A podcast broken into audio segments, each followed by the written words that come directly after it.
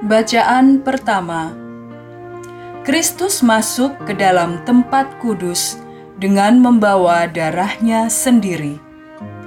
Pembacaan dari surat kepada orang Ibrani. Saudara-saudara, dalam kemah suci, yaitu bagian yang paling depan, terdapat kaki dian dan meja dengan roti sajian Bagian ini disebut tempat yang kudus.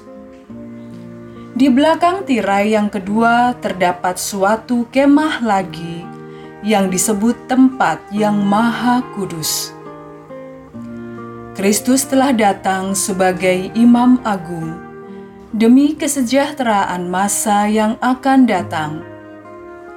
Ia telah melintasi kemah yang lebih besar dan yang lebih sempurna yang bukan buatan tangan manusia, artinya yang tidak termasuk ciptaan ini.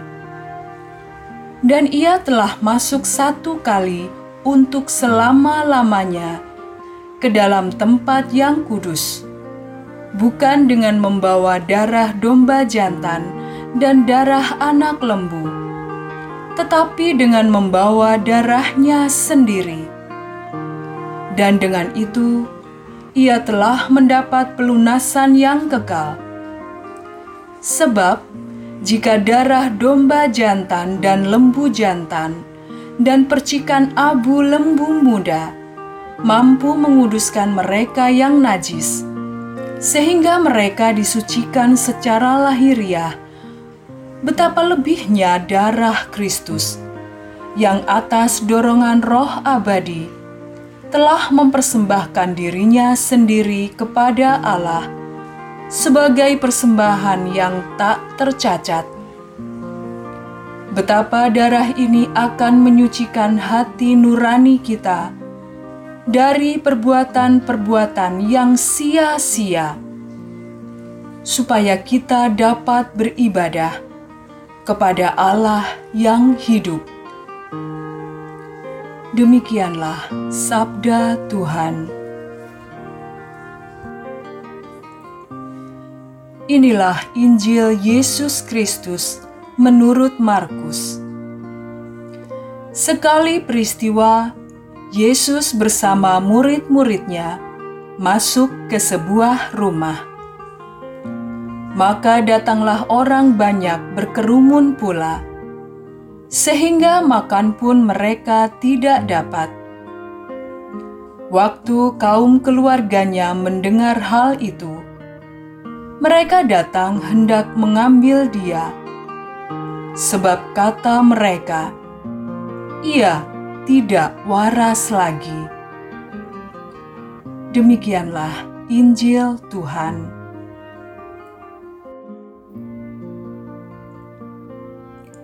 Renungan hari ini diambil dari ziarah batin. Keluarga dan orang banyak melihat Yesus sebagai pribadi yang aneh. Yesus dianggap tidak waras karena melakukan hal yang tidak biasa, melakukan perbuatan baik sampai melupakan dirinya. Sedangkan bagi kaum imam dan ahli Taurat. Perbuatan baik Yesus dianggap persekutuan dengan Bilsebul. Mereka melihat Yesus sebagai orang aneh, bahkan sebagai orang gila, karena apa yang Yesus lakukan tidak biasa, tidak sama dengan mereka, dan jauh dari harapan mereka serta hal-hal umum.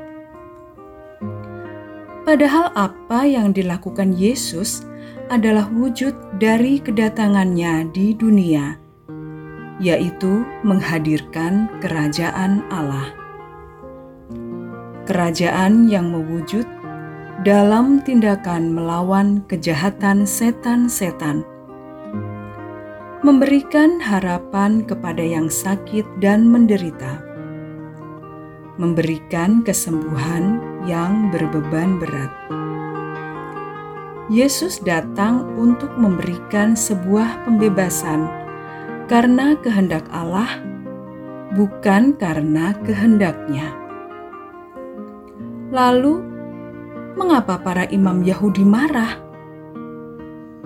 Mereka marah karena takut kalau semua orang datang kepada Yesus dan meninggalkan mereka. Ditinggalkan banyak orang berarti juga banyak kepentingan diri yang hilang. Menjadi berbeda, bahkan melawan arus, untuk memberikan harapan demi kesembuhan banyak orang, kadang memang tidak dimengerti. Terlebih bagi mereka yang kepentingannya terganggu. Akan tetapi, itulah yang mesti dilakukan sebagai wujud dari jawaban iman kepada Yesus, Sang Pengharapan Sejati marilah kita berdoa.